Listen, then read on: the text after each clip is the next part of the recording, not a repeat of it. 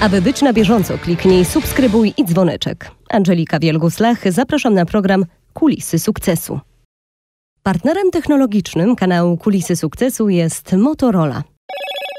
Hello, Moto. Tylko 10% startupów odnosi sukces. Oznacza to, że 9 na 10 upada. Dlaczego tak się dzieje? Co jest najczęstszą przyczyną? O to zapytałam Agnieszkę Maciejowską, założycielkę jednej z najbardziej popularnych platform do sprzedaży biletów online evenea.pl. Ja ciągle uważam, że takim e, naj, naj, największym błędem popełnianym jest e, myślenie o, o swoim startupie jako o tym, że to jest produkt, który lub usługa, która każdemu się przyda. Tak? Patrzymy często na produkt bądź usługę przez pryzmat swojego um, własnego doświadczenia. Czyli jeżeli ja uważam, że mi się przyda, to przyda się wszystkim. No niestety czasami żyjemy w takim bąbelku. E, po prostu mamy takie myślenie, które zresztą kiedyś usłyszałam od jednego fajnego przedsiębiorcy, zresztą z Krakowa i może ja trochę sparafrazuję to, ale generalnie chodzi o to, właśnie mamy takie myślenie, że chrząszcz żyjący w chrzanie myśli, że chrzan to cały jego świat. I my tak trochę myślimy, że to, co nas otacza, ten nasz bąbelek, w którym żyjemy, to jest to, co wszyscy myślą, to, co wszyscy nasi użytkownicy, użytkowniczki będą myśleli. No tak do końca nie jest, prawda? Y, musimy odrobić tą robotę, czyli trzeba wyjść do ludzi i z nimi porozmawiać i dowiedzieć się, co rzeczywiście e, jest ich bolądką, co sprawi, że zaczną zaczną, zaczną korzystać. I to jest jedna rzecz. A druga rzecz, e, która myślę, że jest związana, to jest taki znak czasów e, tego, co się dzieje w ogóle naokoło z naszą planetą, z naszym środowiskiem, mm, to jest to, że mm, coraz bardziej będą, znaczy wydaje mi się, że biznes będzie szedł w kierunku um, social impactowego, czy takiego zrównoważenia. Um, musi być to zrównoważony biznes, który um, rozwiązuje jakieś realne problemy. Re, realne problemy, to, to, nie mówię o tym, że problem, że nie mam co na siebie włożyć, tak? Tylko problem, albo nie mam z kim pójść na randkę, tylko problem typu, czy, czy, czy przetrwam, czy będę miał, y, miała czym oddychać, czy będę miała wodę w najbliższym czasie, tak? Więc to są to są rzeczy, które e, absolutnie e, będą teraz najważniejsze i jeżeli biznes mm, nie zacznie myśleć w tym kierunku, to może przegrać. Często na etapie tworzenia startupu zaczynają się problemy finansowe. Brakuje pieniędzy na realizację przedsięwzięcia. No i właśnie pytanie, skąd wziąć te pieniądze? To zależy, jakich funduszy szukamy, czy takich non-equity, czyli że nie musimy oddawać udziałów naszych, to wtedy możemy pomyśleć o funduszach publicznych, ponieważ są różnego rodzaju platformy startowe, do których możemy aplikować i takie, takie środki pozyskać. Możemy pozyskać z pieniędzy publicznych też e, pieniądze na nasz, e, naszą ekspansję międzynarodową, czyli na przykład, żeby jeździć na eventy, bo uważam, że to też jest ważne, żeby pokazywać się tam, gdzie są, w tych miejscach, gdzie są nasi potencjalni klienci i tam szukać, prawda, rynku. I albo rzeczywiście są to mm, fundusze inwestycyjne, tak, których jest też bardzo dużo. Tworzenie startupów polega na popełnianiu błędów przyznał na jednej z konferencji w San Francisco założyciel Twittera. No i rzeczywiście trudno się z tym nie zgodzić. Na etapie tworzenia każdego biznesu, każdego projektu pojawiają się błędy, a przy okazji wdrażania nowych inwestycji, nowych projektów, tych błędów jest jeszcze więcej. Trzeba pamiętać, by się tym nie zrażać. O czym jeszcze nie można zapomnieć, pracując przy startupie. Co jest najważniejsze przy tym procesie? Jeżeli porozmawiałabyś z każdym z przedsiębiorców, każdy powie Ci coś innego, bo jest tak dużo tych faktorów determinujących o, o tym, że, żeby się to udało. Ja myślę, że też potrzeba jest dużo szczęścia, dużo jakby wytrwałości, determinacji, ponieważ to nie jest tak, że od razu przyjdą te pieniądze, bo często mm, ma, mm, czy mamy takie myślenie, że jak ktoś już ma na wizytówce napisany prezes, prezeska, no to znaczy, że po prostu to jest gość, nie? To, jest, to, to jest ktoś, to ma pieniądze.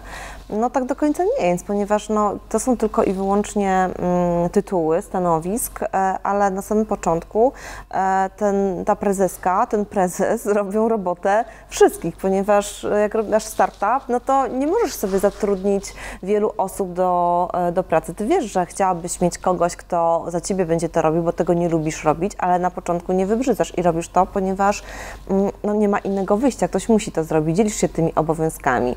I, e, i tak to na początku wygląda, że mm, dlatego ten startup jest taką rzeczą pła- płaską w strukturze, że mm, nie zatrudniasz wielu osób, nie masz wielu departamentów, jest szybki proces decyzyjny, więc jeżeli coś nie wychodzi, można szybko wszystko zmienić, e, zastosować od nowa, Mm, więc jakby, ale potrzeba jest takiego dużego samozaparcia i wiary w to, że się uda. I ryzyko. Taka, taka skłonność do tego, do ryzyka. A cały wywiad z Agnieszką Maciejowską, twórczynią platformy Evena.pl znajdziecie oczywiście na kanale Kulisy Sukcesu. Tutaj podrzucamy Wam link. Często tworzenie startupów wiąże się z wynalezieniem nowych rzeczy, tworzeniem nowych metod czy urządzeń. No i właśnie teraz zajmiemy się patentami. Liczba zgłoszeń patentowych złożonych w Europejskim Urzędzie Patentowym przez polskie przedsiębiorstwa, uczelnie wyższe i instytuty badawcze wzrosła w 2021 roku o prawie 13%. Wynika z indeksu patentowego 2021. To drugi najwyższy wskaźnik wzrostu w Europie po Portugalii, wśród wszystkich krajów, które złożyły ponad 200 zgłoszeń patentowych. W 2021 roku do Europejskiego Urzędu Patentowego wpłynęło ogółem 188 600 zgłoszeń. Na ogólny wzrost liczby wszystkich zgłoszeń patentowych miały w dużej mierze wpływ podmioty z Chin i USA.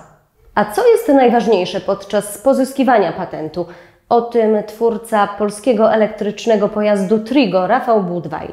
Najważniejsze uzbroić się w cierpliwość, e, dlatego że e, urzędy patentowe mają swoją własną dynamikę, rytm e, działania i to nie jest zawsze ta sama dynamika, do której jesteśmy przyzwyczajeni w przypadku innych firm czy e, instytucji. Natomiast odstawiając na bok e, elementy humorystyczne, chociaż dosyć frustrujące muszę przyznać, przede wszystkim trzeba zatrudnić profesjonalnego doradcę, rzecznika patentowego. Wydaje mi się, że próba e, zdobycia ochrony patentowej dla, dla wynalazku bez pomocy takiego rzecznika, jeżeli nie jest niemożliwa, to jest niesłychanie, niesłychanie trudna. E, Sam proces rządzi się swoimi prawami, trzeba je rozumieć.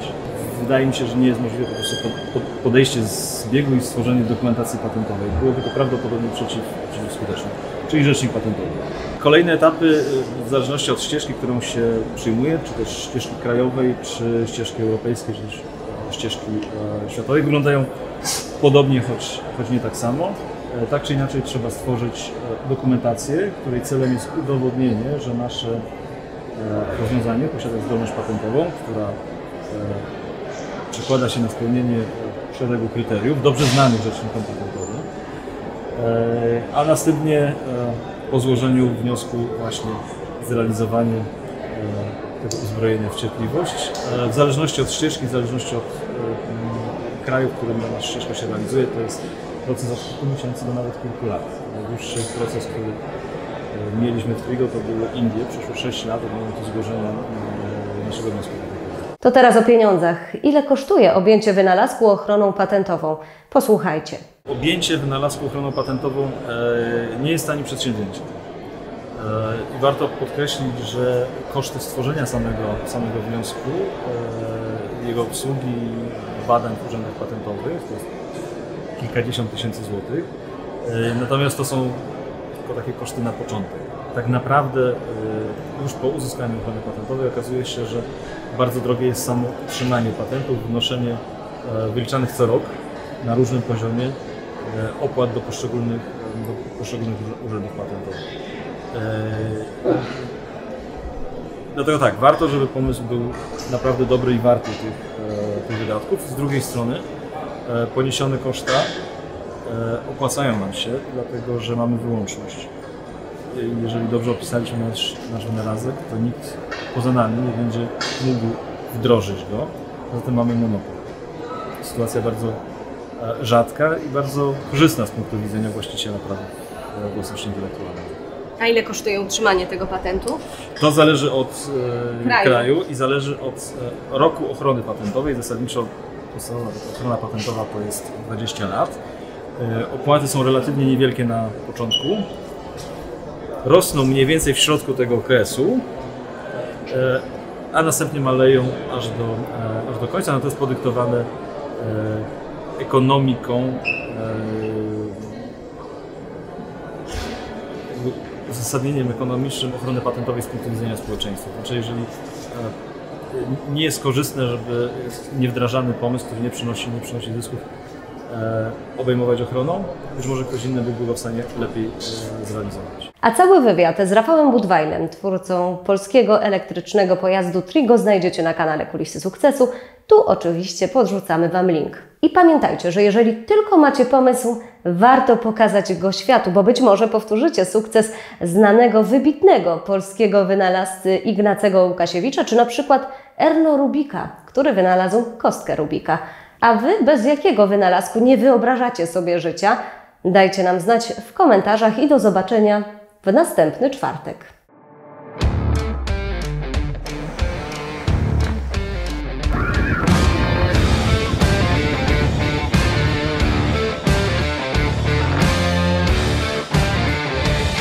Aby być na bieżąco, kliknij subskrybuj i dzwoneczek.